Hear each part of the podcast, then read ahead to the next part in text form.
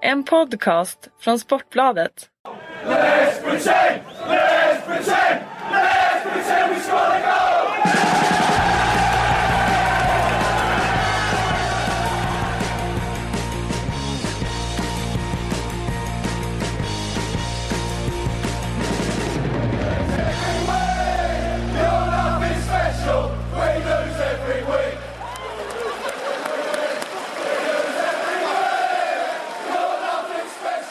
Det är torsdag, du lyssnar på Sportbladets Premier League-podd.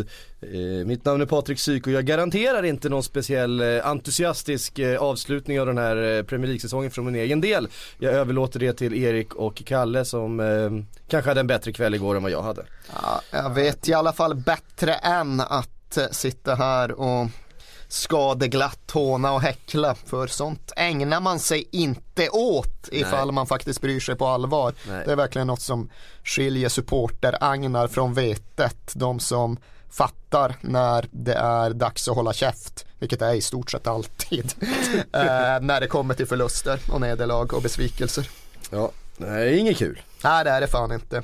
Är det, är det, frågan är, det värt det? Nej, är det värt det? nej det är klart inte. Det är ju inte det. Alltså, ja, men Du det är fick så ju några att... bra gravöl igår i alla fall. Ja. Nej men plus och minus går ju inte ihop, det gör det inte. Jag blir ju mer besviken än jag blir glad under varje given säsong. Inklusive den här typen av säsonger när det faktiskt går bra i de flesta matcher. Så blir jag ändå mer besviken än jag blir glad. Men ifall jag ska ge något seriöst svar på en fråga som jag övervägt rätt mycket. Så är det ju värt det just eftersom att man får svart och vitt i livet. Man får svängningar och man får innehåll i en tillvaro som annars blir allt mer jämngrå ju äldre man blir. Eh, och är det något man inte behöver är det väl bara den här tillvaron där allt tuffar på och varje dag är eh, alla dagar är varandra lika och det aldrig blir några speciellt häftiga känslosvängningar. Så jag behöver just den där känslan av att det betyder att det påverkar mig, det rör mig och då får jag liksom lov att tugga i mig att det svarta är eh, mer än det vita på något sätt. Det är en del av dealen men jag har liksom förlikat mig med att det är så, att det svarta är en större del än det vita. Och jag känner ju också någonstans att det blir värre ju äldre man blir av just den anledningen. Ja, jag håller med. För jag att håller det med. blir mer, eh, alltså man var yngre så hade man känslostormar på andra håll i Exakt, livet. då var ju allting på liv och död hela jävla tiden. Varenda dag var ju en jävla såpopera liksom. Och så är det inte längre utan Nej. vardagen är ju vardag. Och det enda hålet man har där man tillåter sig själv att känna på det sättet. Det är väl typ fotbollen och jag delar verkligen uppfattningen att det därför blir värre och värre eller i alla fall mer och mer eh, när det rent logiskt sett borde gå i motsatt riktning.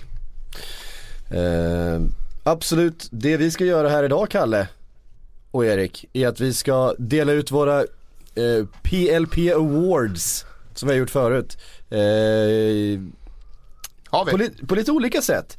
Ja, jag vill minnas att vi vid något tillfälle utsåg eh, eh, årets betongsko. Jag har, jag har Eh, inte deltagit i det. Ja, oh, det har du visst gjort. Du undrade vad fan jag menade med det, jag hade inget bra svar. Det har inte jag hört. Vem var det?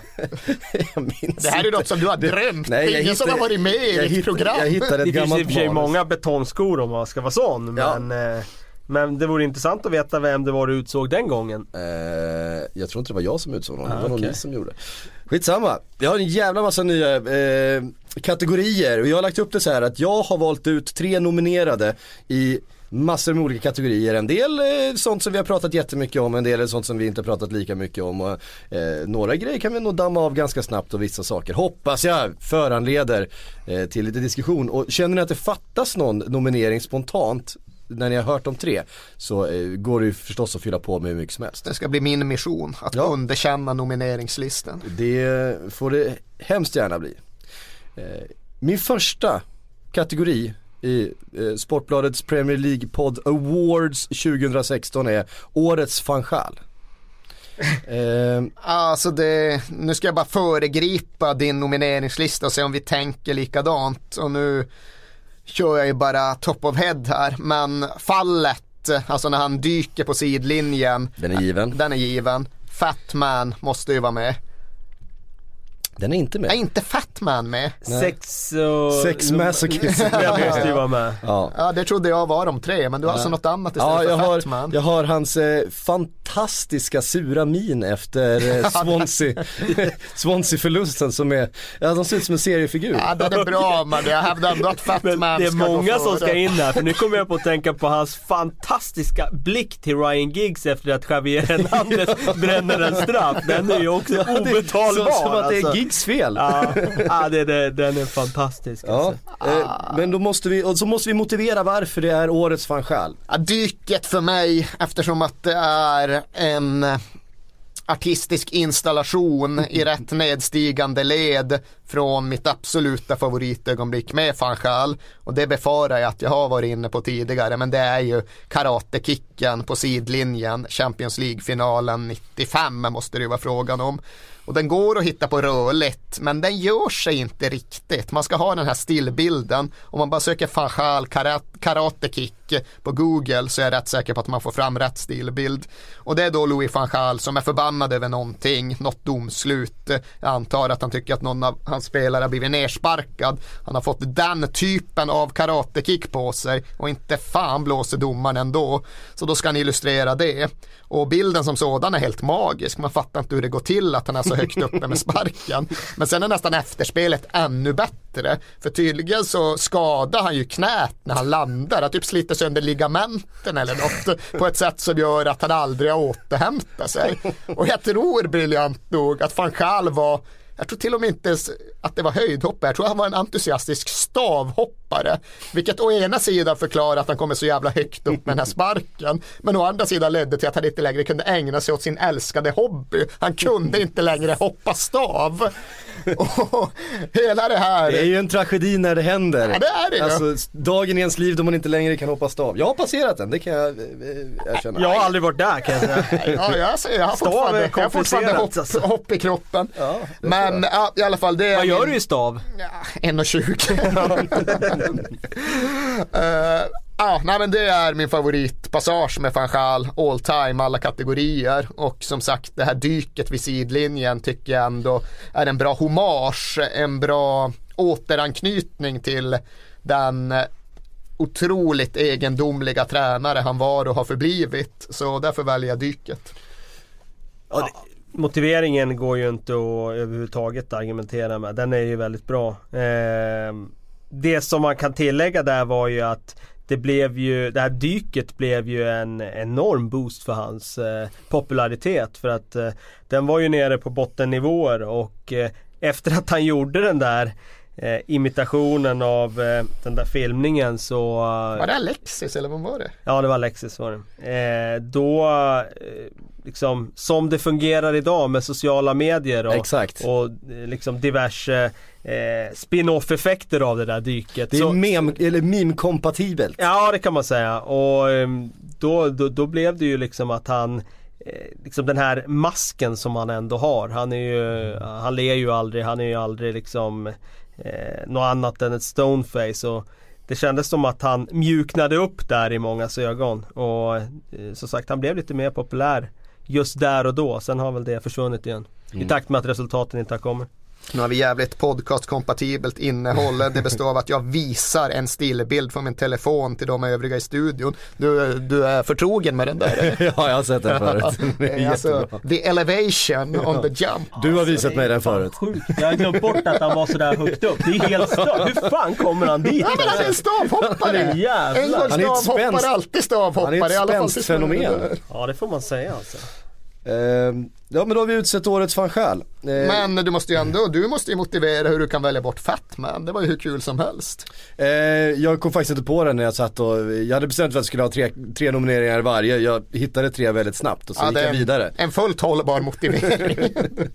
Jag tyckte de var rätt bra alla tre. Jo, den, men- su- den sura minen är ju, Nej, den är, den är också då podcastkompatibel, Ja, men den är rolig. det är bara att googla, alla har sett den. Ehm, Så är det kanske. Men det roliga är att van Gaal dyker upp även i nästa kategori som är årets presskonferens. Oj. Fatman. Eh, nej, men den här är, den här är eh, första nominerade är då eh, Ranieri, Dilly Dang, Dilly Dong och egentligen så finns Champions det man! ja, i- ja precis, egentligen finns det liksom tio presskonferenser man skulle kunna välja med Ranieri här, för att han har ju varit Han har varit så fantastisk. Han får, vad är det, han får? Kallskuret levererat till sig på podiet. Han har ju alltid det där också att han inleder med att skaka hand med alla närvarande journalister vilket typ tog en och en halv timme, timme i, timme i, slu, i slu, slutet av säsongen. Eh, Så det är också en, eh, en dimension till det hela. Men är det första gången han får frågan att det är Danny Drinkwater som har läckt till någon journalist att, att Ranieri har en imaginary bell.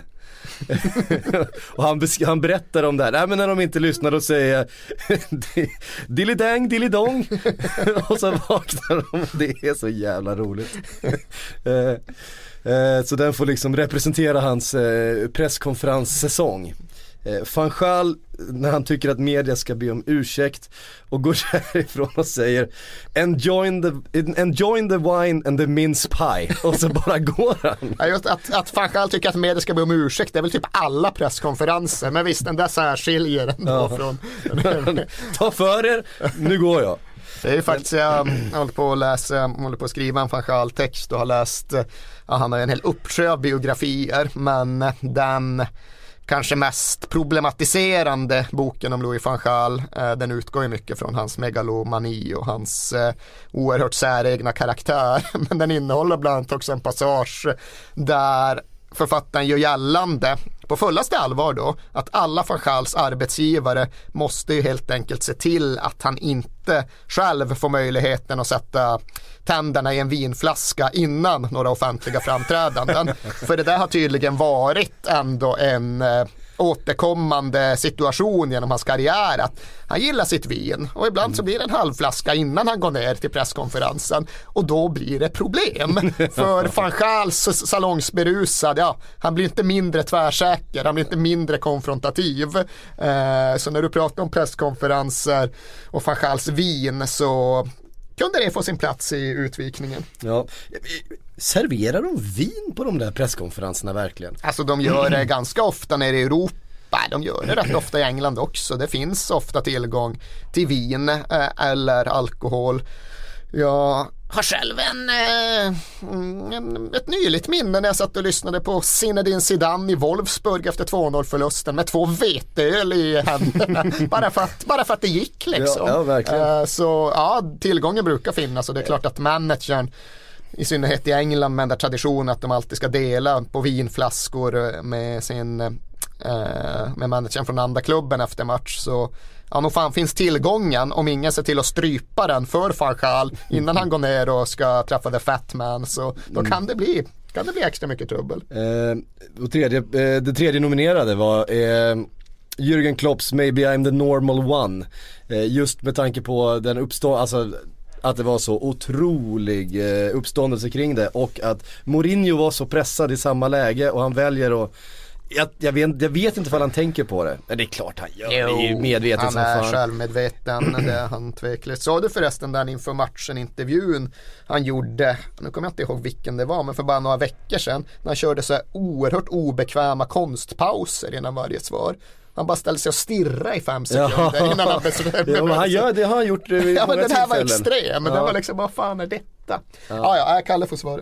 Ehm, ja, alltså den där är ju svår alltså. Jag, jag tycker inte det är någon som är sådär riktigt, riktigt eh, i klass med fjolåret. Så då tänker jag såklart på Nigel Pearson och hans struts eh, attack mot eh, den lokala journalisten Ian Baker där. Den var ju... Det var förra årets den, vinnare. Ja, Det var förra årets eh, liksom tveklösa vinnare och den var ju, den var ju, sex, den var ju snudd, oerhört nära 6 plus tycker jag. Eh, de här är ju bara 3-4 i mina ögon alltså. Men eh, Jag tycker nog, ja, om jag får välja en så är det ju Ranieris, Ja, Dilliding men Dillidong. liksom, han För att gör han, ett- för att han, för att han, det är en sån väldigt märklig grej och han, han tycker själv att det är lite roligt. Ja, han, är- han myser med Ja, det han är ju alltid en mysfarbror. Här Ja. var det ju ett läge där det var lätt att vara mysfarbror. Allt gick deras väg och så vidare. Ehm, ah, så hade du ingen bättre? Hade du ingen Nej, bättre? jag tycker alltså? just att den här sista, inte Drinkwater utan den We're in the Champions League man! Dilly-ding dilly-dong, we're in the Champions League! Den... Men var inte det samma som den här? Nej, det, det är Det var faktiskt olika. Jag satt faktiskt och tittade, det finns ett klipp på YouTube med topp 10 Ranieris presskonferenser den här. Eh, så att det var därför jag, jag kunde liksom inte välja en för jag tyckte det fanns många som var bra där så därför så eh, kallade jag den bara för Ranieri Dillidang Dillidong så fick den representera en, en hel säsong av fantastiska Ja men ska vi säga dilly, dilly dang dilly dong då, eh, Ranieri. Som sagt jag tycker att det var ett läge där det var lätt att vara mysfarbrorn så att eh, det var inte så svårt för honom att plocka fram den där sidan i det läget men eh, det var ju lite roligt, det var det ju. Tillåts jag vidga kategorin eh, och Låt oss göra precis vad du vill Erik. jag gör det med avsikt att givetvis själv besvara min egen fråga men retoriskt inleder med att fråga ifall ni själva får möjligheten att välja den bästa pre- presskonferensen och dela Premier League-eran. Vart hamnar ni då? Eh, det vet jag inte. Jag har inte så jättestarka förhållanden till just presskonferenserna. Eh, Det är väl de senaste åren som jag överhuvudtaget har eh, brytt mig om dem. Jag skulle ju vilja vidga kategorin till bästa intervju och då är man ju inne på José Mourinho, Ja. eh, I have nothing to say. Och eh, det svaret, jag vet, jag vet, jag, jag vet, jag vet, jag tror jag vet vilken det är. Det är när, när José Mourinho får frågan om vem, vem han inte skulle vilja slåss med i, eh, eh, utav Premier League-tränarna. Han Den här får- känner han- jag inte till. Säger han, han- Big Sam eller vad säger Ja, han? Han gör det? exakt. He would break me in half. Ja, det är bra. Alltså min favorit, eh, eh, klart, det är ju den med Joe Kinnear. Inte när han faktiskt var eh, tillfällig manager. manager. i Newcastle. Och nu ska jag bara citera ordagrant en liten passage, eller är det- inledningen. är det fuck off-rekordet eller? Exakt. Han kommer alltså in i lokalen, tittar ut över de församlade journalisterna, tar ordet och frågar Which one is Simon Bird?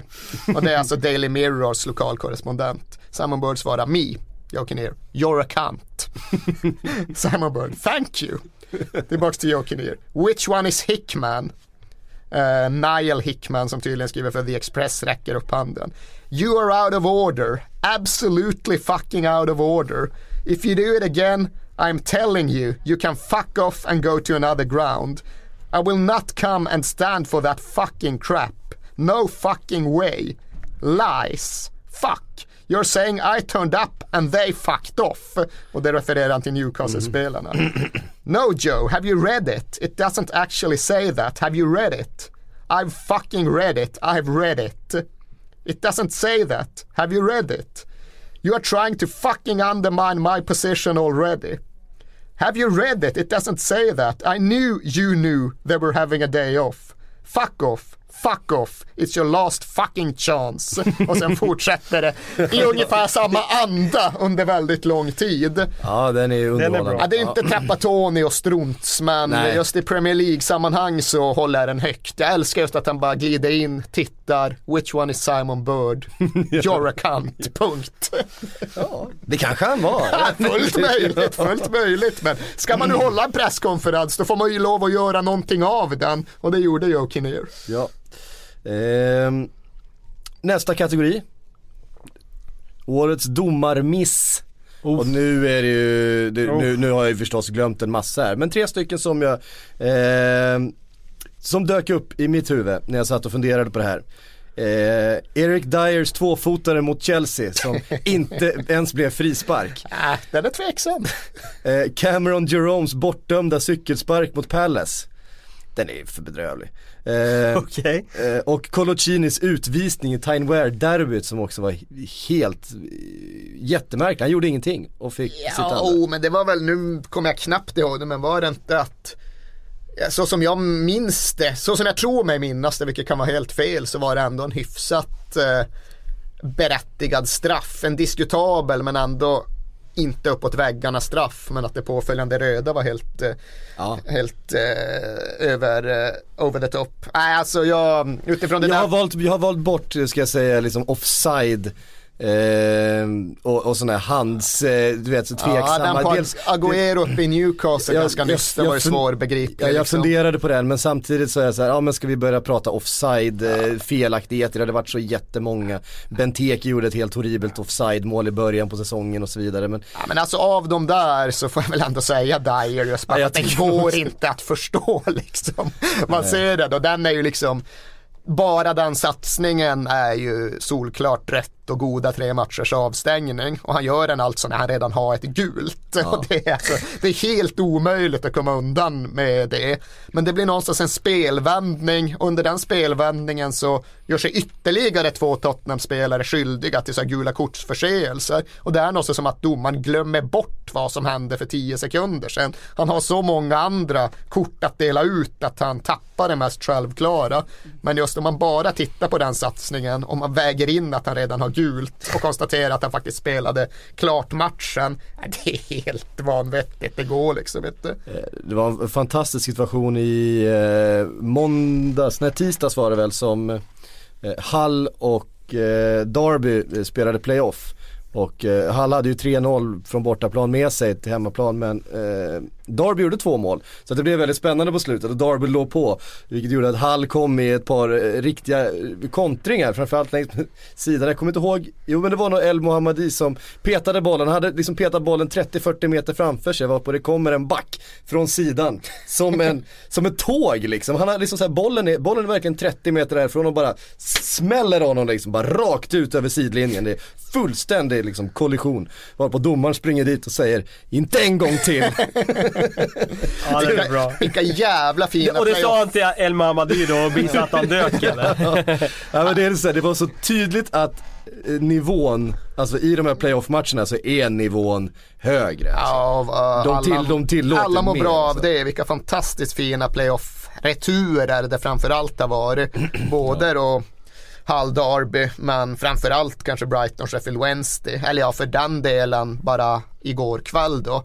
Eh, nu såg jag inte den matchen men jag har ju tagit del av rapporteringen och dramatiken. Accrington Stanley mot AFC Wimbledon. Två beundransvärda klubbar eh, men som då sluggar ut en så här riktigt klassisk holmgång och elljuset slocknar. Det, är liksom, det finns inte tillräckligt med energi i hela Greater Manchester för att hålla det här levande. Spelarna slukar för mycket men till slut lyckas AFC Wimbledon ta sig förbi det där och då ja, ska spela på Wembley igen. Vilken grej det är. Ja, för deras playoffs, alltså när de gick upp i Football League, nu viker jag in mig i bisats och inskjuten sats på inskjuten sats, men jag får att deras playoff-final när de gick upp i Football League spelades på Etihad av någon jävla anledning. Kan Det är, det är, har jag ingen aning om. Ja, det var jag verkligen, fram ja, det var en parentes bland parenteserna. Vi kan bara slå fast att det är en jävla fin sak att FC Wimbledon ska till Wembley och spela playoff-final. Och om de vinner den så kommer de ju återigen då få möta MK Dons. Men den här gången, den här gången på lika villkor. Den här gången så står de på samma höjd då och stirrar varandra i ögonen. Och det är klart att det finns något jävligt förtröstansfullt i tanken på att AFC är på väg upp och förbi MK Dons i fotbollshierarkin återigen. Vad var kategori? Ja, domar, Mr. Kalle sitter och googlar playoff-finaler så du får komma på remissen på domarna. Men Eric Dyers tvåfotare mot Chelsea eh, utnämner vi som årets domarmiss. Ja, det... Jag tycker ju också, alltså vi måste säga någonting om Cameron Jones, eh, eh, Jeromes bortdömda cykelspark. Eh, det är ju så synd att det inte får bli mål. Det känns någonstans som att det är liksom the story of Cameron Jeromes liv också. liksom. det, det är klart det inte blir när det är just han. Det, är så, det, det finns ju ingenting att blåsa för. Jag tycker det är helt obegripligt. Det kommer en back med huvudet liksom i knähöjd och jagar den här bollen. Samtidigt så han träffar, han, den är ju decimeter ifrån huvudet på honom så att Ja, jag minns det inte är så tydligt men jag minns ju att jag jag, upplevde det som jag har fel. suttit och tittat liksom. på det nu Ja. igen när jag gjort researchen. Jag begriper inte hur han kan blåsa för det. Fan, det var en gång för väldigt länge sedan som Andy Reid, apropå fotbollsfetton som vi pratade om för några avsnitt sedan. Jag tror, det behöver fan inte stämma, men jag tror att det är West Ham borta. Och han liksom tar bollen på brösten nere vid sidlinjen och slungar iväg en 40 meters volley just nerifrån sidlinjen upp i bortre krysset och när den har susat in så märker man att domarna blåst när bollen är mid där för någon så tidigare förseelse i en annan del av planen. Också så här, bara, vad det är hemskt. fan? Ja. Nästa kategori. Eh, årets fiasko. Och då är det lag som jag tänker på. Eh, Chelsea, Newcastle och Aston Villa slåss om titeln som årets fiasko. Eh, Aston Villa, ah, alltså det, det, är ju tre fiaskon. Men vem, vem har egentligen stått för det största? Det grövsta. ja, att Aston Villa skulle kriga i botten det var ju ganska många som ändå tippade inför säsongen. Att de skulle få tufft när den där centrallinjen försvann med Flar och med Fabian Delf och med eh, Benteke. Det var ju Ja, det var ju inte så förvånande ändå. Så att det är självklart en eh, enorm Alltså enorm missräkning att de åker ur på det sättet de gör. Det är ju, var ju snudd på pinsamt. Men jag skulle nog säga att Chelseas fiasko ändå är det största. De var regerande mästare. De eh, förlorade egentligen inga spelare. De skulle bygga vidare på det som de hade startat och de skulle egentligen bygga en dynasti. Det var målet. Istället blev det en katastrofal höst och en tionde plats. Eh, den sämsta regerande mästarsäsongen eh, i modern tid. Eh, Newcastle, visst. Det är ett fiasko men eh, jag skulle nog säga Chelsea etta faktiskt. Mm. Ja, när jag ställer upp på det just för att ja, hade någon på förhand sagt att Aston Villa åker ur, de kommer sist. Bara, ja det var inte bra men jaha, ja, nej men det, så kan det ju gå. Ja, Newcastle åker ur, jaha, ja, det var ju fan inte bra men okej det, det kan man ju ändå se hur det skulle kunna hända. Och så förresten Chelsea, de slutar tia. Nej, det gör de inte. Det hade man ju avfärdat som totalt orimligt. Och därför... Nästan lika orimligt som att Leicester skulle ta hem det. Ja, nästan, ja, nästan. inte fullt. Tia, inte fullt. Det, nej, inte riktigt så här, kanske. Ska vi bara flika in det när vi nämner Aston Villa att uh, Randy Lerner sålde klubben mm, igår. Till något kinesiskt konsortium som jag inte har hunnit sätta mig in i. Är det någon annan som har gjort Men det var, jag, jag noterade prislappen. Ja, samma som man köpte för va? Över 700 miljoner någonting va? Okej, okay, det var billigt faktiskt. Ja, alltså Han har gjort en som, jävla förlust där alltså. Det var någon som skrev, när jag deppade på Twitter igår så var det eh, något Aston Villa-supporter som skrev, ja men din klubb blev inte såld, precis såld för lika mycket som Manchester United betalade för eh, typ. Ja, precis. Eh, vem det där var utav, eh, ja eh, Di Maria var det förstås. Di Maria. Ja, ja. Eh, och det är anmärkningsvärt hur en klubb av... Han har ju slattat in av... ganska mycket pengar i den där klubben också, ja. Randy Lerner. Han gjorde det framförallt när Martin O'Neill var tränare förut. Då hade de ju en skyhög lönebudget. Så att om han säljer för samma peng som, som man betalade då har ju klubben tappat ganska kraftigt i värde alltså. Ja det är ju under en tid då alla andra klubbar har liksom dubblat sina värden, typ. Ja. Men tidigt, det är ju ändå liksom tre kvarts miljard det är ju pengar det också. Uh, det fanns ju en tid för inte så vansinnigt länge sedan, ja men säg strax före Premier League-eran, då typ alla klubbar alltid såldes för ett pund. För mm. de var så jävla skuldsatta att det var liksom ingen som ville ta i dem med tång. Men ja, symboliskt, jag får lov att pröjsa ett pund, men i själva verket så nedlåter jag mig till att ta över det här skuldbot. Ken Bates gjorde väl det med Chelsea mm. för mig och det finns, mm. ja. Men det är ungefär hälften det är ungefär dubbelt så mycket pengar som de sålde Benteke för.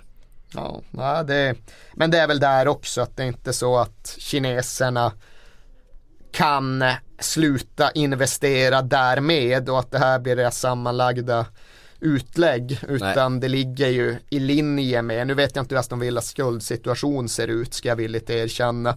Det blir ju svårt när det ofta är frågan om så här mjuka lån till befintliga ägare och hur de omvandlas och sådär. Men jag vet inte om de måste plugga igen stora, stora hål i bokslutet eller om det bara är så att de måste investera sig till ett helt nytt lag. Men ja, det krävs ju mer än att bara köpa klubben för att få ut någonting av att göra det. Japp. Eh, årets räv. eh, och nu har jag varit lite, lite sådär så att det Någon koppling till Leicester kommer komma med här. Nej, men det är ju vem som är årets, årets Leicester helt enkelt. Mares, Vardy eller Ranieri.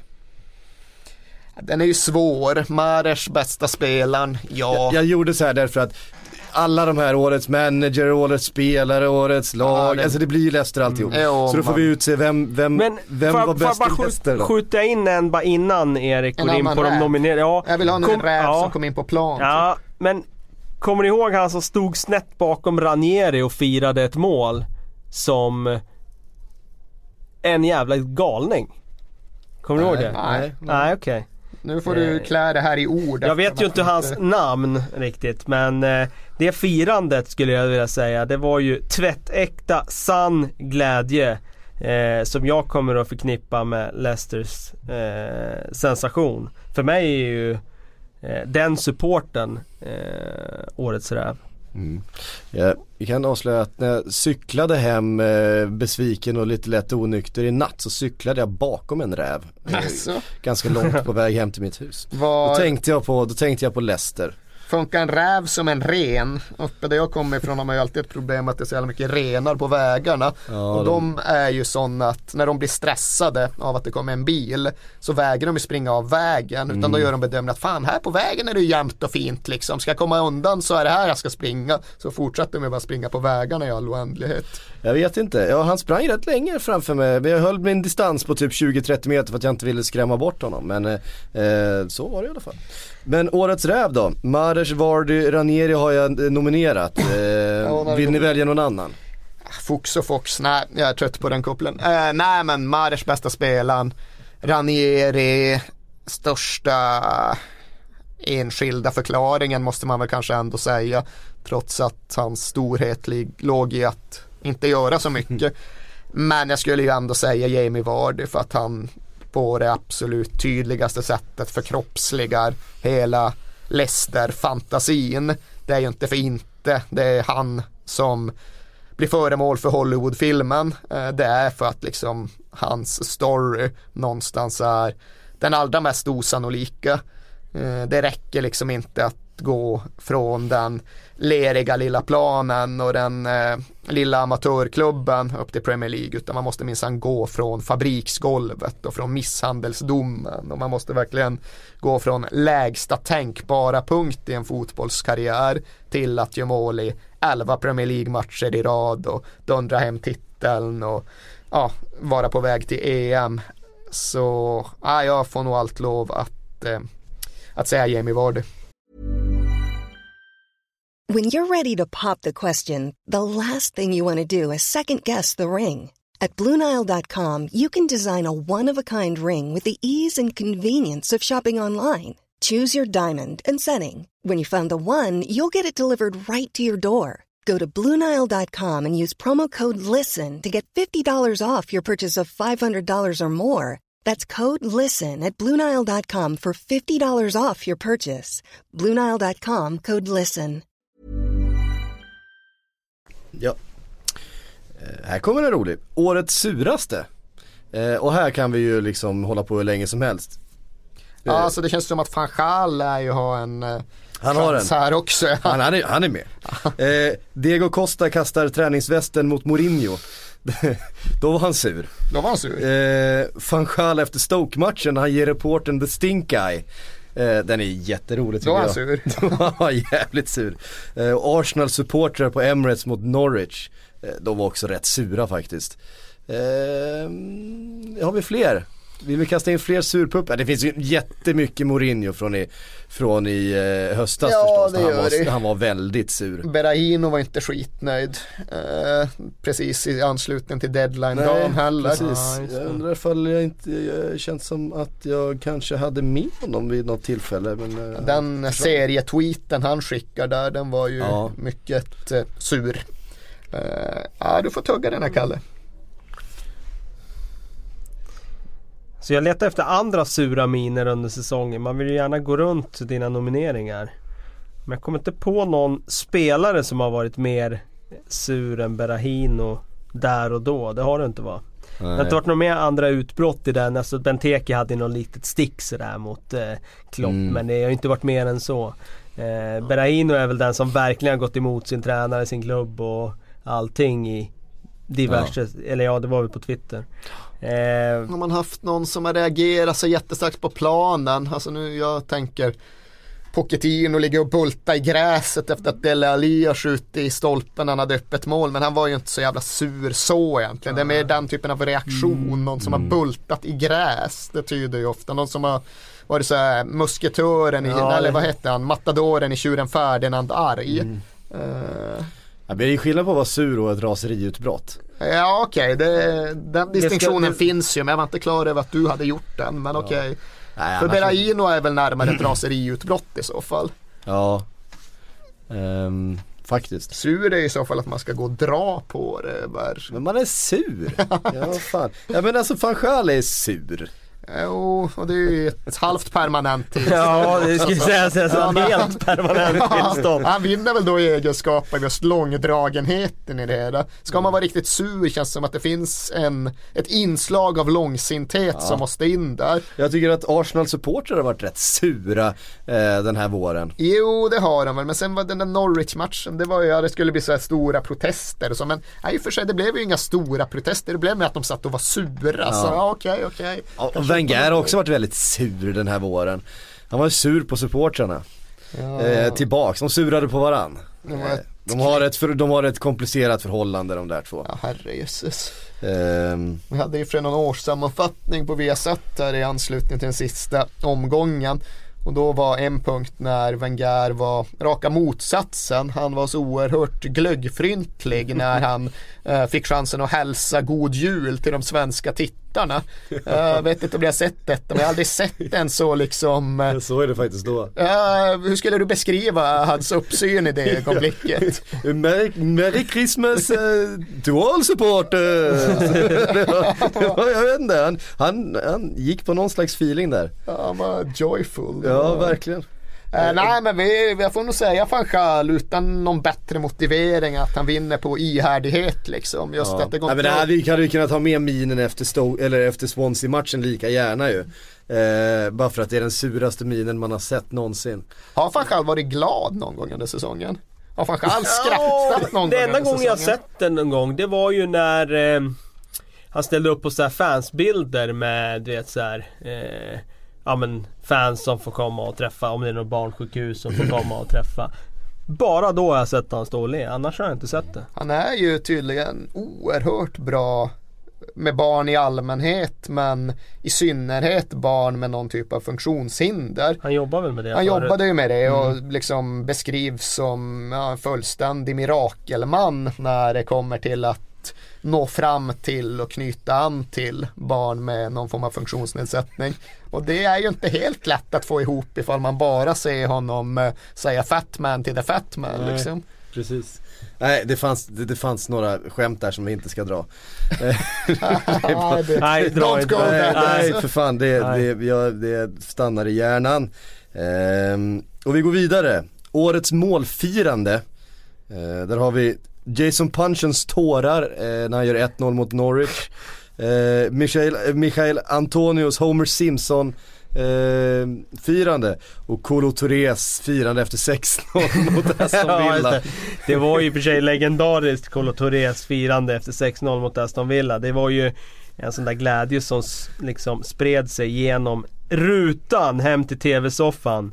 Eh, och det är klart att man unnade den gode Kolo att få göra mål. Men jag måste nog ändå säga Michael Antonios eh, firande. Både Homer Simpson eh, imitationen men också hans eh, Carlton-dans från Fresh Prince. Absolut. Eh, eh, den ska ju in där i hela paketet. Jag tycker att han eh, bjuder blev, på sig själv. Han har blivit kallad ett... för Homer Simpson sen han gjorde ja, den här. Så är det ju och uh, han Men... bjuder på, sitt själv, på sig själv på ett sätt som jag tycker är uppfriskande. Så att uh, jag säger Michael Antonio där. Tog ni Homer Simpson direkt när han gjorde den eller? Ja absolut. Ja det gjorde jag också. Ja. Att man har ju sett det verkligen det avsnittet. Ett, det, är ett, det, är ett av de, det är ett av de bästa, alltså den är så den är så klassisk. Ja, alltså första, till och med gjort den vara? i ett svagt tillfälle tror jag på en gräsmatta. det är då kör du. Nej, de första tio Esk-säsongerna av Simpsons, vilket jävla geni vi pratar om. Jag tycker annars att det bästa med Antonio, det, är, det finns ju ingenting, det finns fan ingenting i hela världen som roar mig lika mycket som när en Daniel Sturridge-figur, eller ja, i det här fallet en Michael Antonio-figur, börjar med sitt jävla dansande, vilket jag tycker att det slår över till när det blir Fresh Prince-grejen. Jag tycker inte den referensen går att komma undan med på samma sätt som Homer Simpson. Men när han eh, liksom nickade in en boll mot Man United här senast och började dansa och så går det tre sekunder och han står och gör sina moves så verkar det att målet är bortdömt. Det tycker jag är så jävla roligt. Så därför kan jag ge Antonio det finns ingenting som är så jävla kul som den avbrutna, den snopet avbrutna måldansen. Ja, eh, helt klart. Ehm, så vi ger eh, Michael Antonio priset då för årets målfirande. Så får det bli. Ja. Ehm, årets föreställning och då handlar det om vilka matcher som vi har tyckt varit mest underhållande. Eh, Norwich-Liverpool 4-5.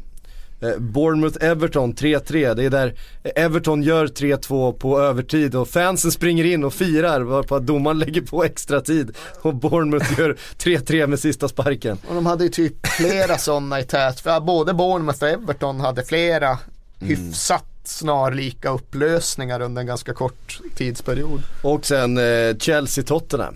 Eh, häromveckan för att det var, det liknade ju ingenting annat den här säsongen i brutalitet och bråk och det var ju det var så mycket, så mycket aggression på planen så att eh, det liknar ingen annan match den här som jag har sett den här säsongen. Ja, den var uppfriskande. Ja, Eh, jag, jag uppskattar verkligen sånt. Ja det gjorde jag också. Sen eh, var man ju såklart inte så förtjust i själva upplösningen där och det gör väl att man får lov att säga Norwich-Liverpool. Dels för att den var ju allra mest osannolik. Alltså det händer ju inte att det först blir, alltså det är inte att det blir 1-1 och sen 1-2, det blir 4-4 och sen 4-5.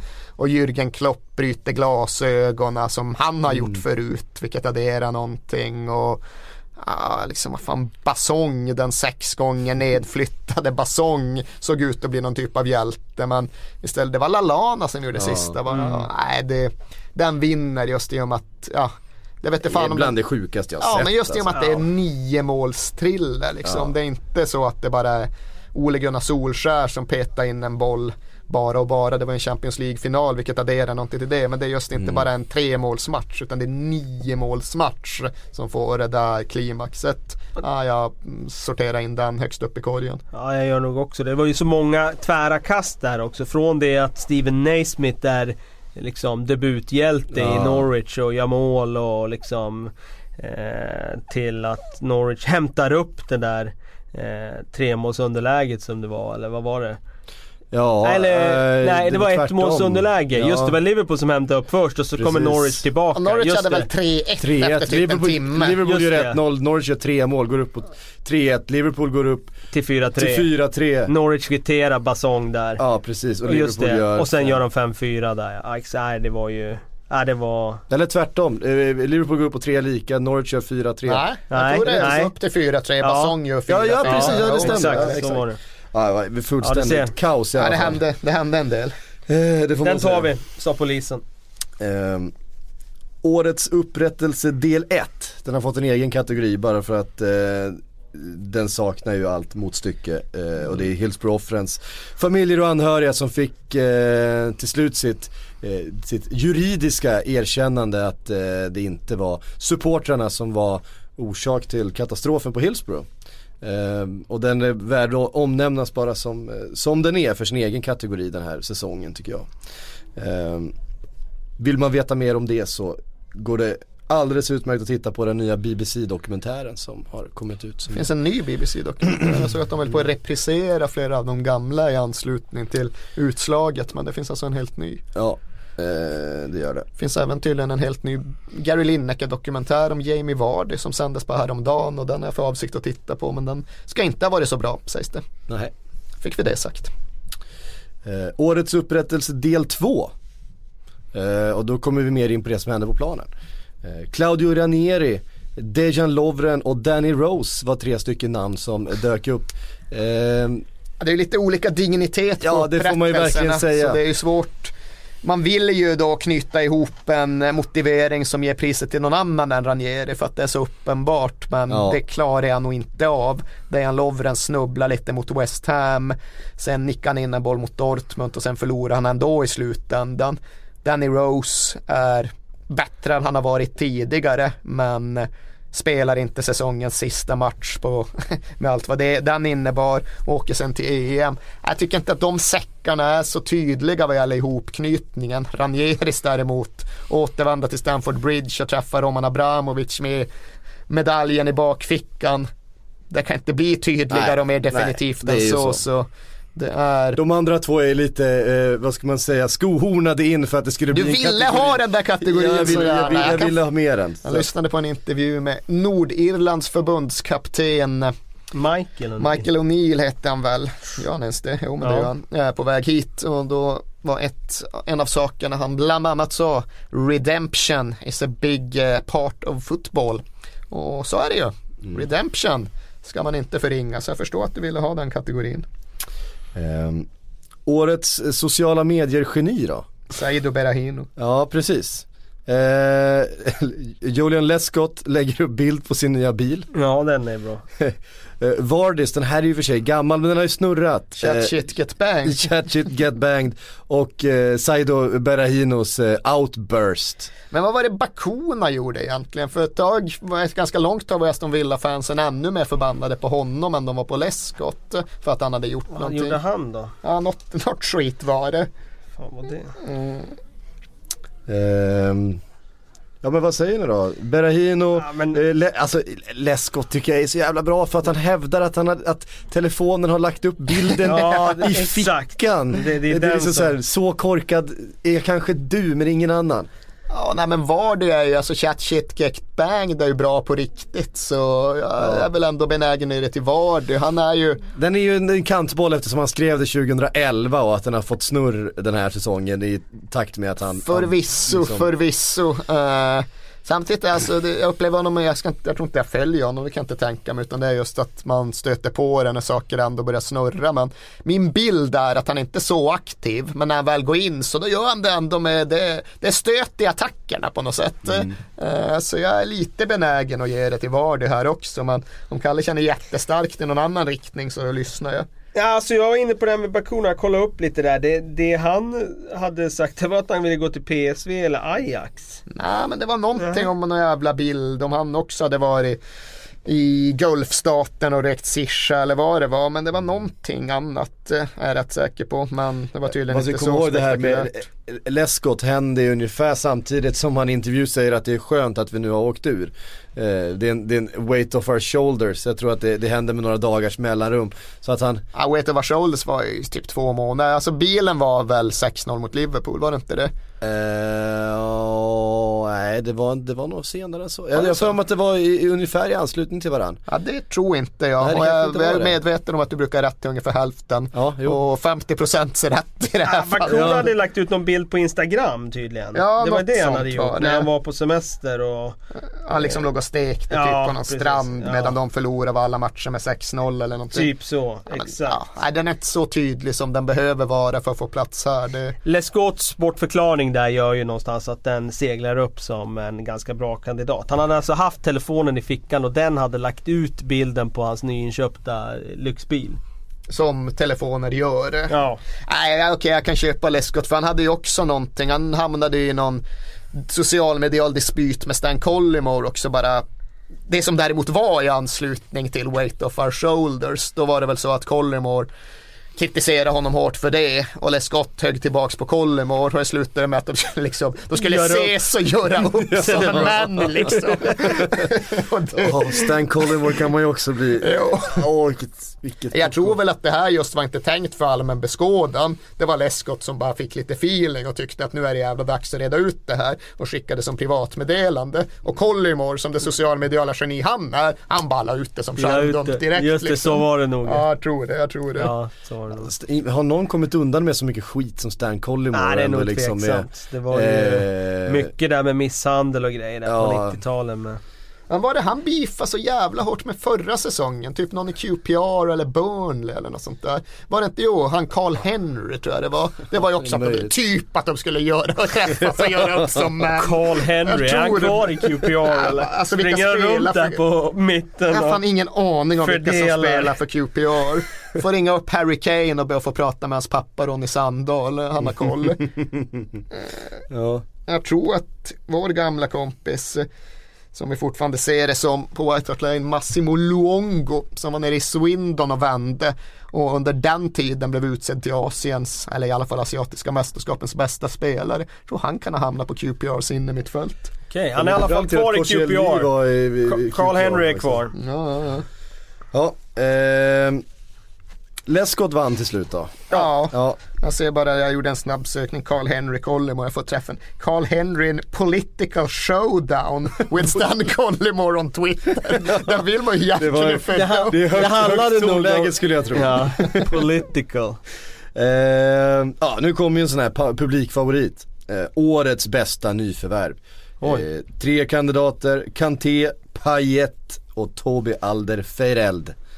Ja, jag säger nog, ja kör du. Ja, det är ju Kanté, punkt. Ja, ja, det var ju det jag skulle säga också.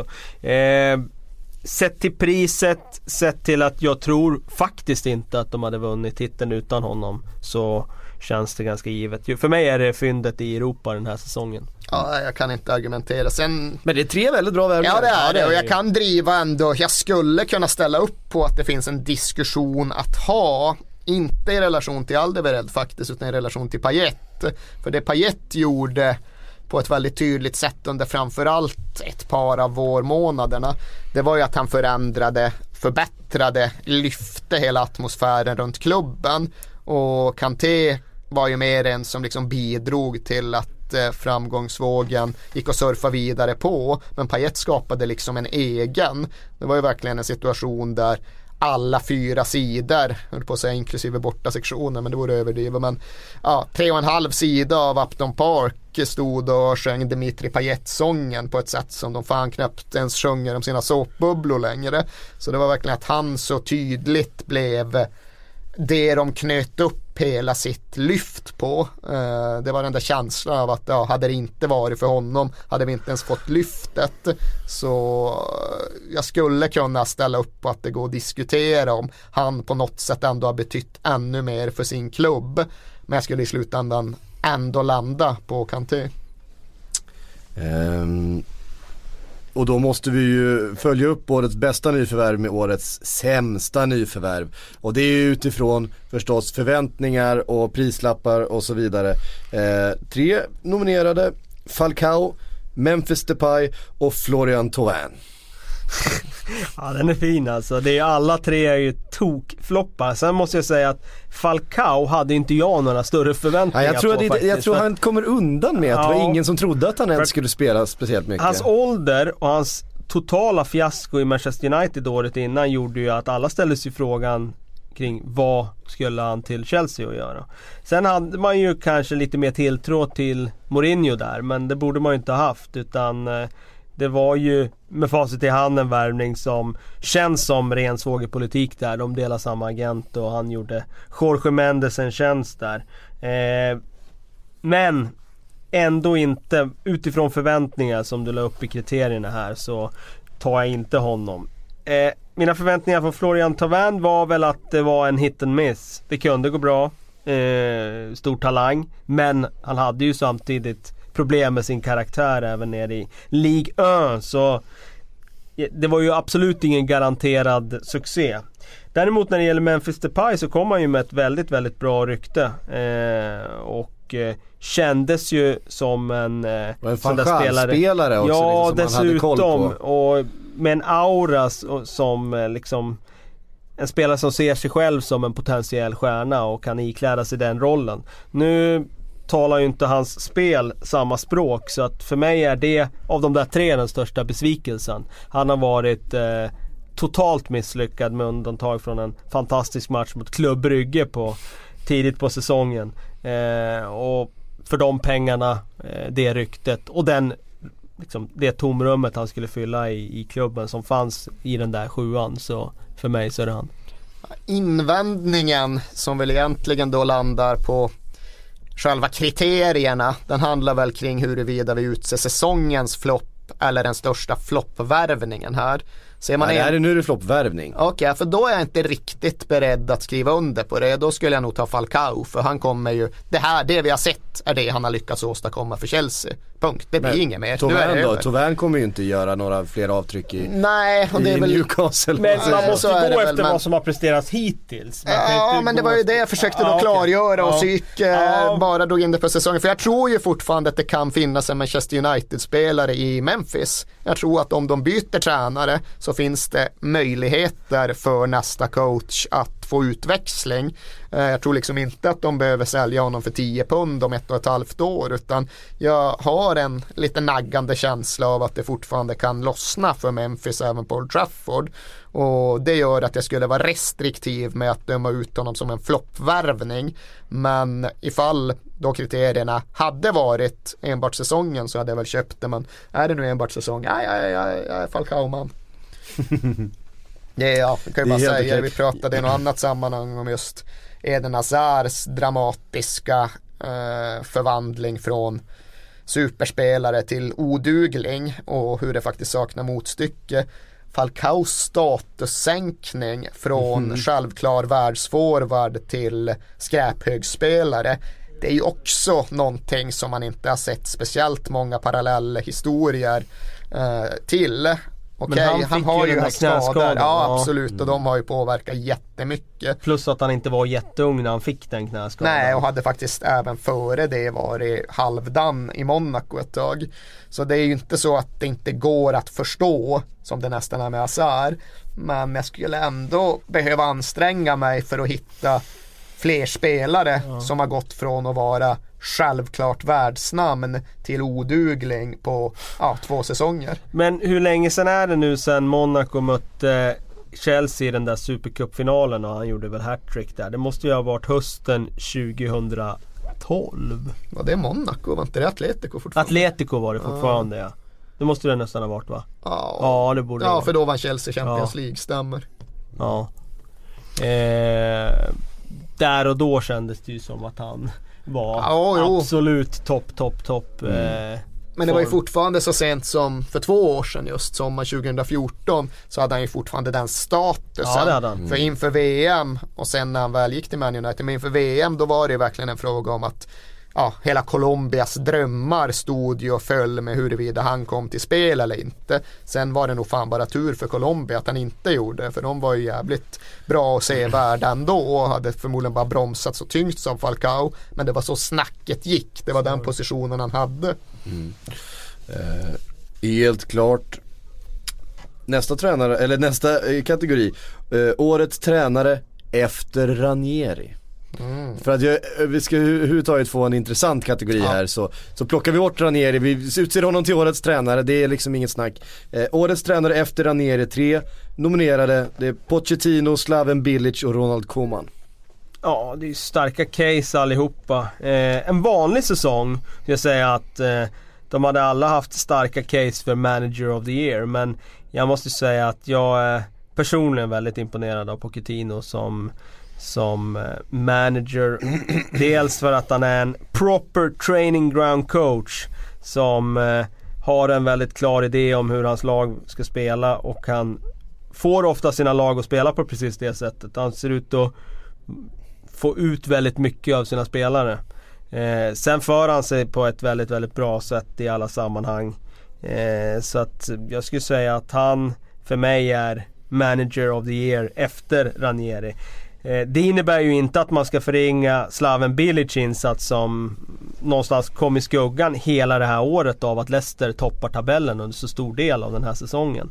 Eh, West Hams resa mot toppen och som utmanare mot topp 4 är ju en sensation och eh, det är ju också en Det är en av de riktigt bra storiesna från en eh, liksom händelserik säsong hur West Ham byter tränare från den här långbolls Allardyce fotbollen till Slaven Bilic som någonstans enar läktarna och laget kring att eh, det går att spela på ett annat sätt. Eh, och få liksom någonstans läktarna att tro på en väldigt, väldigt ljus framtid. Eh, så, men för mig, jag landar ändå på Pochettino som tar Tottenham nära får jag ändå säga en sensationell titel. Ja, nej alltså i den mån jag är färgad här så är jag ju det på ett eh, Pochettino eh, negativt sätt liksom. Det är inte så att jag övervärderar det han gör men jag tycker ju också att det måste vara Pochettino. Trots att han misslyckas med att motivera spelarna till sista matchen. Trots att han ställer över Danny Rose helt obegripligt och trots att han skickar in Tom Carroll och Omo Onoma för att spela med någon konstig trebackslinjesystem mot tio man som vi överhuvudtaget aldrig hade testat tidigare. Eh, så är ju det randanmärkningar. Det som jag tycker gör skillnad här det är att Pochettino faktiskt får med sig någonting från säsongen. Inte en titel, men en direkt plats till Champions League som är en överleverans eh, sett till alla målbilder och förutsättningar som fanns. Nu vet jag faktiskt, jag tappar greppet om exakt vad som gäller runt Europa League-strecket. Men det är väl, ja, jag, jag, vet inte om Southampton och West Ham går till Europa League ens. West Ham gör det. De gör det ja. ja. ja men det är ändå på något sätt, gick inte Southampton om West Ham? Nej, det, Nej, tror, det tror jag inte. Okej, okay. ah, glöm det då. Men ja, det är ändå Jag tycker inte liksom att den den bärgningen på något sätt går att jämföra med en Champions League-plats givetvis. Jo, de gick om ja, en poäng. Visst ja, sexa, Southampton sexa, West Ham sjua, bara sjua. Ja, vad innebär det då? Vilka spelar i Europa League? Och då måste ju Southampton lira. Måste de det? Eller kräver det att uh, Man United slår Crystal Palace? På uh, Uefa Cup-finalen. Ja, Ja, jag vet. Jag är säker på att Tottenham får med sig något från säsongen. Jag är inte säker på Southampton och West Ham. Det kanske inte blev någonting för någon del av de klubbarna. Blev det en Europa League-plats för Southampton så slänger de väl bort det mot Midtjylland ändå. För de bryr sig egentligen Nej. inte. Uh, så det tycker jag väl just gör skillnaden. Att uh, Pochettino ska something to show for it på ett tydligt sätt. Känns också som, en, eh, som ett lag som är redo för den där uppgiften nu. Man har spelat ihop en startelva, eh, skaffat sig en ryggrad och nu finns en sommar att bygga en trupp på också. Eh, där det varit svårare att göra inför förra säsongen om man så fick den till skänks. tog platsen till Europa League. Är det så då att ja. West Ham är beroende av att Man United slår Crystal Palace? Så måste det vara. Okej. Okay. Mm. Ah, ja. eh, min sista kategori. Årets mest uttjatade. Eh, van Schaals, Här är det fan hård konkurrens känner ja. utan att ha hört kategorierna. Eh, van Schaals eh, vara eller inte vara som manager för Manchester United. Eh, Stark kandidat. Snart spricker Leicester-bubblan. Stark kandidat. Och West Ham lämnar Upton Park. Stark kandidat. Ja. Ja. Ingen av dem är i och för sig Gerards sista match uh, här och Gerards sista match där. Den var outhärdlig förra året. uh, John Terry hade ju också kunnat gå in där. Det ja det hade han absolut kunnat göra. Det är samtidigt, ja. Det måste väl vara Schaal där också men ja. Frågan måste ju ställas, det är inte det liksom. Det går ju liksom inte bara att bortse från att det är, har varit och förblir en pikant situation kring Manchester Uniteds tränarbänk och hela klubbens framtid. Så det är fullt berättigat att diskutera saken. Men nog fan har man ju blivit less på den. Nog fan har man ju överkonsumerat den diskussionen på ett sätt som gör att jag eh, riktar in mig på det som eh, segrare eller vad vi nu kallar det för. Ja, nej, men jag, jag, kan köpa det. Eh, sen är ju de andra ju också starka case. Nu sitter jag och funderar på vad det finns mer för uttjatade grejer. Det finns ju säkert hundra uttjatade grejer. Allt från är uttjatat. Wengers situation i Arsenal. Ja, Herre jösses. Hur långt, hur, i vilken utsträckning är det här Jürgen Klopps Liverpool vi ser? Också jävligt uttjatat. uh, ja, det finns att ta av. Ja. Varje klubb har väl sin, eller ja, på att ja, men givetvis så är det så. Att hur, det har Pep, hur har Pellegrini påverkats av att de gick ut med Pep Guardiola så tidigt? Vad händer om Manchester City missar Champions League? ja, Hur ska Pep Guardiola reagera på på att inte spela Champions League? Ja, ja men, vad är klyschan kring varje klubb? Vad, nu ska vi gå neråt. Ja, Vad är den i Bournemouth? I Bournemouth, ja men vilken saga ändå. Liksom Eddie Howe lyckas med sitt eget spel och sin egen metod säkra kontakter tidigt. Det är ju det enda som någonsin sägs i relation till Bournemouth. Det finns ju ingen annan diskussion än den. Det är den enda, uh, den enda liksom sammanfattningen som överhuvudtaget dyker upp starkt att de höll fast vid sitt eget spel där. Trots att Martin Kion gick ut och sa att de måste knacka långt i november så fortsatte de spela efter sin egen övertygelse. Och det är samma där, det är fullt giltigt. Det är ju sammanfattningen av Bournemouths säsong. Men just att man själv har suttit mer än så många gånger i kombination med att alla andra också har gjort det så då fan är den uttjatad Ska vi säga att van Gaal tog hem den här Ja, eh, det prisen? var Det är van Gaals säsong. Man tror att det är Leicester och Ranieri men i slutändan är det alltid van Gaal som vinner. Vilket han själv tycker är helt i sin ordning.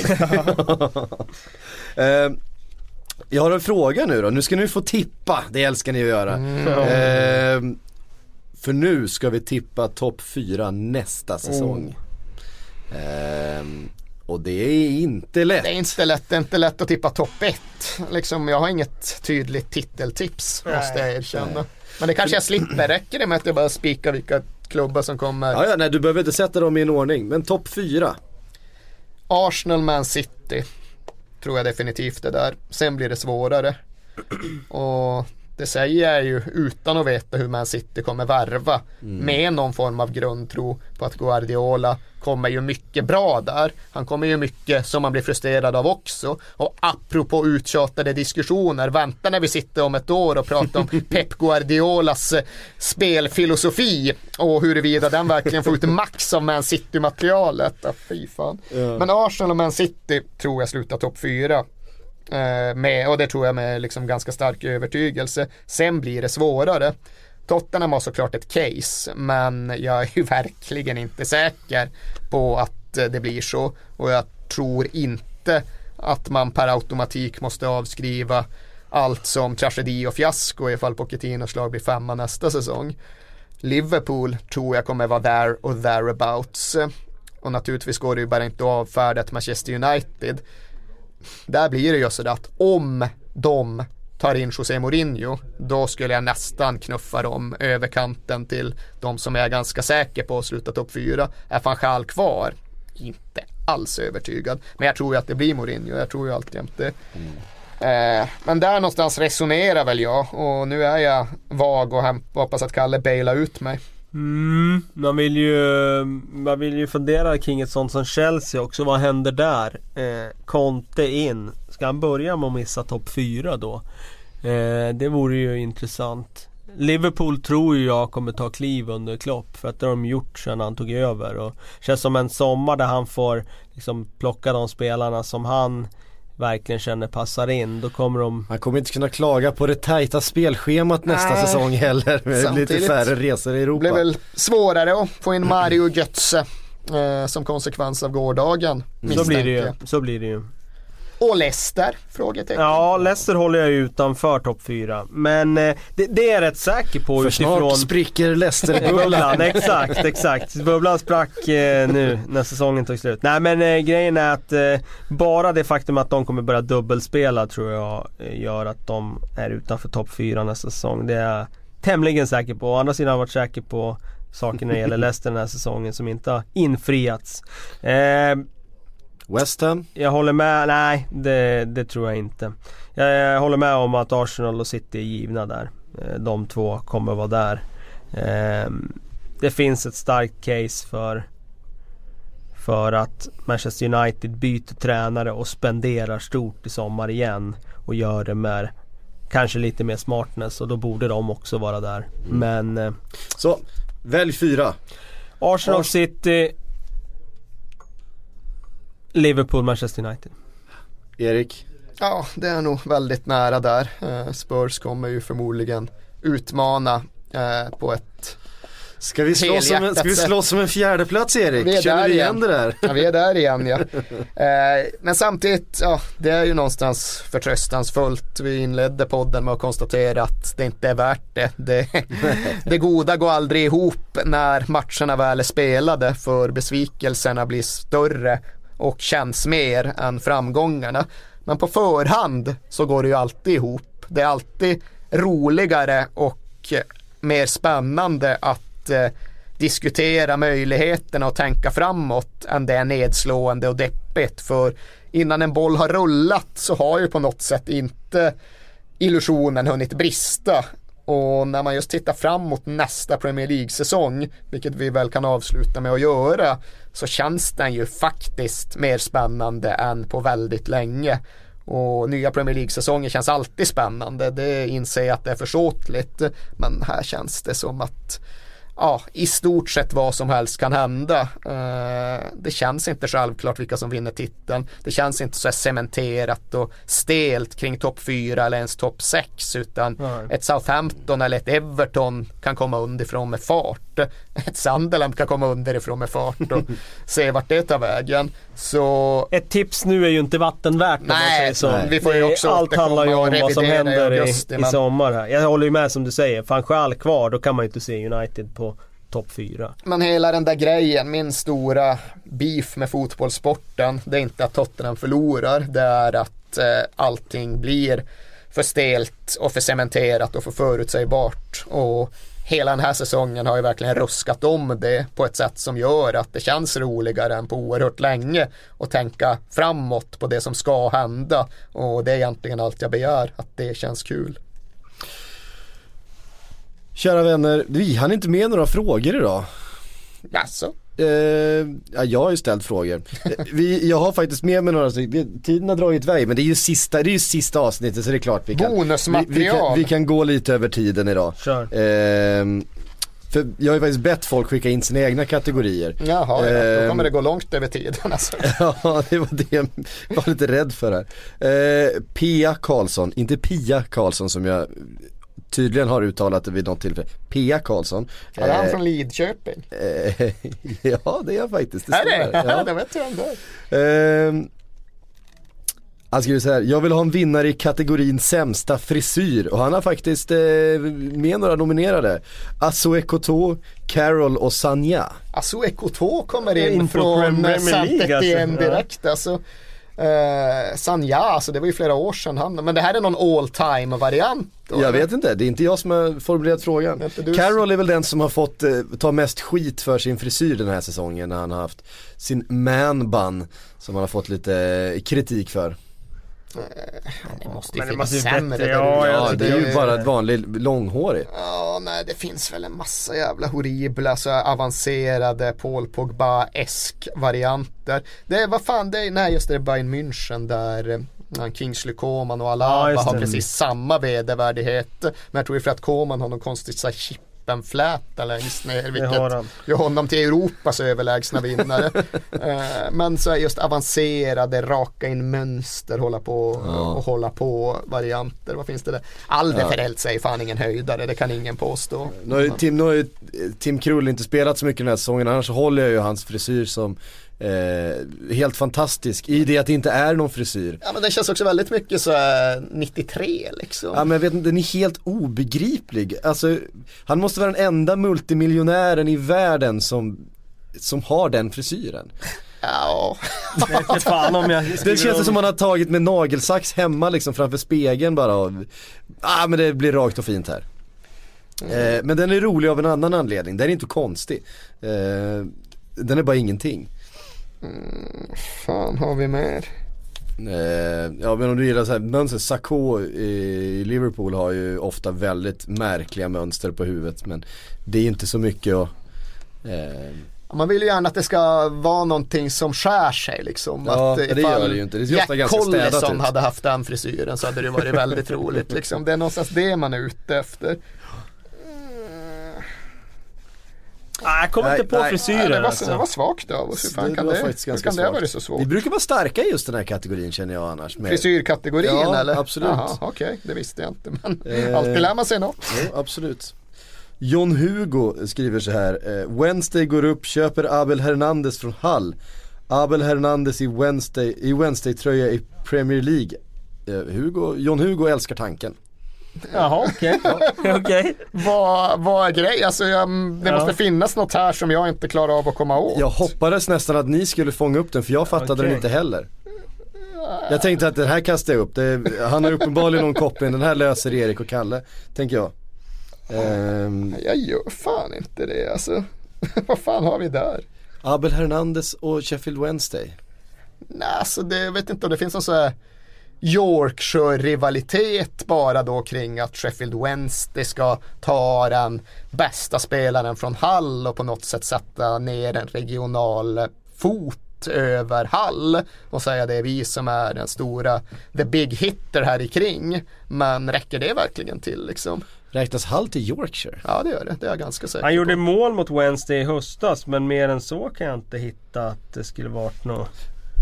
Eh, märkligt blev det här inne. Ja, det. Jag kan i alla fall reda ut att Hull absolut räknas till Yorkshire så Ja det är väl det närmsta jag i så fall kan komma. Jag var Men- inte, jag, ja okej. Man upplever inte att det finns någon stark rivalitet mellan Sheffield och Hull som städer eller mellan Det klubbarna. finns ju i Sheffield. Ja och runt Sheffield alla så här Doncasters och eh, Rotherhams och allt vad det nu är men eh, Nej jag vet inte fan vilka är Hulls egentliga rivaler? Grimsby eller vad fan? Nej, jag, jag, jag, jag sätter mig med den ett tag. Kan jag, tar en, jag tar en fråga annars som vi brukar eh, tycka om. Erik Eddie Wernersson vill ha årets fetto. Ja. Nu är vi där igen. Den spelare som sett mest loj och otränad ut. Alltså Charlie Adam är väl jävligt svår att boxa ifrån. liksom. Herregud alltså. Fantastisk kista på honom eh, senast mot Spurs här. Ja, så var det nog Eh, faktiskt. sen så Ivanovic i början på säsongen. eh, Diego Costa i början av säsongen. Diego Costa i början på säsongen såg eh, något otränad ut. Ehm, kan väl ta den. Men eh, Charlie Adam får den ju. Ja, ver- verkligen. Han, eh, vad fan hade de nu i sista matchen? De hade något lag och Charlie Adam sköt från egen planhalva. Som man alltid gör. Ja, var väldigt nära att göra mål. Det var väl utfört liksom. Ja. Ta mig fan om det inte verkar vara så att eh, att eh, Halls autentiska rivaler någonstans i Grimsby. Sen ska man tydligen inkludera Skantorp också i den där eh, i den där Bermuda-triangeln. Jaha, usch. Scanthorpe, var inte där Richard Money var? Att han är Scanthorpe. Alltså han var i Cambridge senast innan han fick gå. Men han kan nog kanske haft en vända i Skantorp. Jag förknippar ju honom då starkast med Walsall liksom. Ja okej. ja. Han gick ju väldigt bra i Walsall. Fick smeknamnet Dickie Dosh, vilket jag tyckte var kul på vaga grunder. Ehm, LFC Swedish Branch eh, skriver Ge mig snyggaste målet. Ja, jag är Dele Alli Crystal Palace. Jag vet inte i vilken utsträckning jag är färgad. Det får väl ni bedöma. Men jag Det är menar ett väldigt fint mål. ja, jag tycker det är målet för att to end all goals. Just också för att det är ett avgörande mål i en viktig match i 82 minuten. Det är inte Bentekes poänglösa reducering liksom. Mm. Eh, nej, det är ju ett väldigt vackert mål men jag håller, jag håller med om att det förtar ju hela grejen när det är ett mål som inte betyder något. Eh, alltså mål i förlustmatcher är på något sätt, jag vet inte, de är, de är inte lika mycket värda. Ja, framförallt just den där tröstmålskänslan när man inte ens jublar. Man liksom knorrar, man bara liksom ja. troppar Men tillbaks till mittlinjen. Man kan ju göra en distinktion här mellan snygga mål och liksom tunga mål. Alltså, eller alltså, för mig är ju det, det tyngsta målet i världshistorien det är ju Rivaldos cykelspark mot Valencia för att han just tar dem till Champions League i sista sekunderna mot Valencia våren 2001. Maradonas dribbling i en VM-kvart och Falklands eh, situation det registrerar inte på samma sätt eller? Nej men jag tycker inte det är eh, lika tungt som Rivaldos. Bi- Bicicleta är ändå bicicleta. Ja, Eh, då dri- måste- Dribbla mot eh, fem, sex engelska konor som inte tar jobbet. Eh, är- Förutom de två sista. Förutom de det, två det, det är sista. en oerhörd provoka- provokation han kommer med här nu. Ja, inte gentemot min relation till Terry Fennick och Gary Stevens, det skiter jag rätt totalt i. Men att man inte tar in att det är en VM-kvart i ett läge då liksom Diego Maradona och de andra själva beskriver det som en förlängning av Falklandskriget. Ah, det tycker jag är anmärkningsvärt. Ja, men jag håller, jag håller ändå, jag håller ändå Rivaldo faktiskt etta där. Men eh, eh, det jag skulle komma in på var just det där att jag, jag tror inte jag gör den där distinktionen där mellan, mellan eh, vi bara pratar snyggaste målet. Eller sa du årets mål? Eh, årets mål. Årets mål, ja men då kan man ju väga in betydelse och sådär. Men är det snyggaste målet då tycker jag man ska gå bara efter snygga, snygghet. Och då skrev skulle jag skrev- hålla, Nej, ge mig snyggaste målet skrev han faktiskt. ja. Ja, nu får du snabbt säga vad som är det ena och vad som är det andra. Ja då, skulle jag, då, då, då, håller jag, då håller jag Benteke före eh, Delali. Okej, men det är de Och- två du väger in. Och sen eh, har jag säkert något till men jag kommer inte på det här och nu. det här Men, målet Matt Ritchie gör för Bournemouth. Ja, det- ja, en exakt, ja. Hörna på bröstet och Ja. in en volley. de, den håller jag också högre. Den håller jag också högre faktiskt. Än Delali. Gör du det? Ja, Ja. det gör jag. Eh, Om vi bara snackar snyggaste. Just för att den sitter i krysset. ja, nu får du ursäkta mig Patrik Syk men i och med att jag bara har det på top of head så där kommer jag ihåg när jag var yngre då kunde jag ju aldrig just väga in all, alla mål var tvungna att gå in i krysset ifall de skulle vara riktigt snygga. Nu märker man ju att man har blivit så sofistikerat snobbig och tycker att fan Sevillas andra mål igår vilket jävla mål. För jag kommer alltid ihåg när man köpte, jag köpte sådana här liksom videos, VHS-kassetter. Alltså själva avslutet alltså. Nej, alltså upprullningen före. Upprullningen innan. Och jag tänkte säga det att liksom tidigare på kategorierna så kom det så här, ja, team goals. Man bara nej, nu är det så här passningstriangler skit och jag vill ha ett skott i krysset. Men nu känner jag bara just kategorin team goals, så jävla well worked. Det målet, otroligt jäkla mål som inte riktigt registrerar just för att bollen inte sitter i krysset. Nej. Eh, Sturridge gjorde också ett fint mål, det spelar Ja, inte så stor roll. tveklöst. Är Men det jag ju. håller just Sevillas andra som snyggare för att det var en sån Ja du har blivit en finsmakare helt enkelt. Men jag måste ju säga, jag är ju fortfarande väldigt, väldigt svag för de här kanonskotten. Alltså Igor Bellanov Ja, liksom det är rakt i stenhårt i krysset. Så Adam Smith i Bournemouth gjorde ju ett sånt där supermål.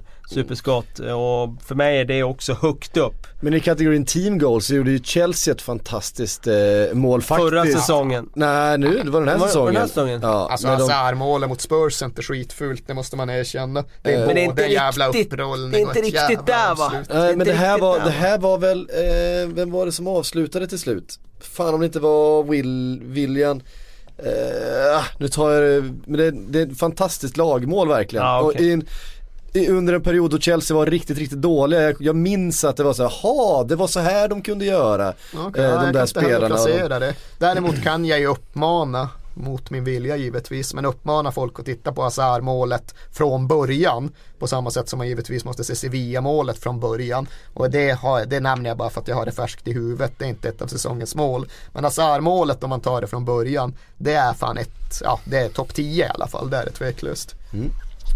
Eh, Kalle Florin, årets troligaste Kina-flytt. Ja, nu har inte John Terry gått, så vad blir det då? Då ska jag tänka. Blir- jag, jag lanserar den direkt. Ja ja. Ja, jo, Ja, den, den den, är... är- väldigt sannolik. Det är den ju verkligen. Jag kan inte se att Inter verkligen orkar baxa den värvningen i land med Vidic-köpet i hyfsat färskt minne. Så absolut, absolut, den är väldigt trolig. Uh, fråga om det ska komma något mer oväntat så kan jag ju säga så här, Oscar, Chelsea till Kina. Ja, det kan jag säga hända faktiskt. ja. Eh, För så här, ja, Chelsea får 400 miljoner och Oscar får liksom, han dubblar det, eh, det världens tidigare bäst betalda spelare haft liksom. Han får, ja men det Messi tjänar ingenting mot det Oscar får i Guangzhou Evergrande liksom. Vad hade Eto'o i Anchi egentligen? Han Det var ju hade mycket men det var ju ändå inte... Men det var ju så det fanns ju alltid just i och med att det var Machachakla och Det var 180 miljoner om året, var det inte det? Ja, kanske var. Men Det, det, var i just alla den fall där jäm- överlägset högst då. Ja, det Ja, var det den var där det. jämförelsen också med att det var i Dagestan just. Att, ja, det här är typ vad två miljoner dagestanier tjänar på ett år. Det var ett också där in liksom. På en Det- dag. Ja, men det var, det var just den kontrasten blev his, mer hisnande än någon annan gång. Ja, Dagestan alltså, av alla avkrokar i, i gamla Sovjet. Ja, det är ingen liksom. okomplicerad del av världen, Dagestan. Det kan Nej. jag prata länge om. Bostonbombare och allt det där. Alltså, det, ja, nu Anchi, fan de slåss ju för att hänga kvar i ryska högsta ligan återigen. Ryska högsta ligan som ju avgörs till helgen. Ska vi få ett nytt Leicester? Rostov? Jag bara väcker frågan, vad har ni? Absolut ingenting. Vad fan, ge mig något, ge mig något som tar mig Men ska ryska någonstans. ligan avgöras nu? Ja, ja den, är, den släpper efter lite grann. Men De har bytt. De har bytt Ja, de från, eh, det, spelform. gjorde de det förra säsongen Ja, då, för eller? de hade ju något så att De spelar typ sjukt lång säsong Ja, de då. spelar i 18, månader i eller sträck och Ja. nu tar de så här, jag såg tidigare, när man som man gör är nere och kollar spelschemat i ryska trean så noterar jag att deras eh, vinteruppehåll är typ ett halvår långt liksom. De går av planen, alltså skarven oktober, november, sen släpper de sig ut ja, halvvägs in i april igen. Ja. Det Vilket är fullständigt rimligt. jo det är det, men det är ett jävla uppehåll och kommer man från Dagestan är det inte så rimligt, där är det Här, varmare. här kommer en svinkonstig fråga. Eh, och det, det är så vi jobbar just nu känner jag. Eh, Jakob Gren skriver säsongens bästa och sämsta spelarnamn. Jag ger er uppgiften att till säsongens sämsta spelarnamn. Ja, den får man här och nu alltså. Danny Drinkwater har ju årets namn i Premier League. Ja, men det- Eh, apropå är uttjatade inte nytt, grejer, liksom. Nej, precis.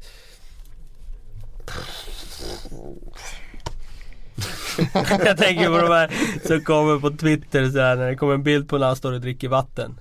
Drink water, drinks water. Men där är ju också liksom Leicester, de är ju väldigt, de verkligen balanserar ju på gränsen till när självmedvetenheten blir för stor. Det har ju Fuchs gjort hela året och det är flera andra det gjorde ju Zero Danny fucks Drink. Ja, nej men det gjorde ju Drinkwater också när han la ut dagen efter något av alla firanden. Uff, need to drink water för att han var så jävla bakfull. Liksom. Jag kommer inte ihåg den exakta formuleringen men det var en passning till att han A var jävligt bakfull, B hette drinkwater och så fick han ihop det att han behövde dricka vatten. Och, ja det var väl okej men eh, Men Det är ont om roliga, det finns ingen Dean Windass längre Ja, håna. men det är svårt, alltså det är mer intressant att spekulera kring dåliga namn tycker jag. Det är ju liksom vad konstituerar ett dåligt Premier League-namn? Jag vet inte. Eh, det, där, det är en oerhört märklig fråga.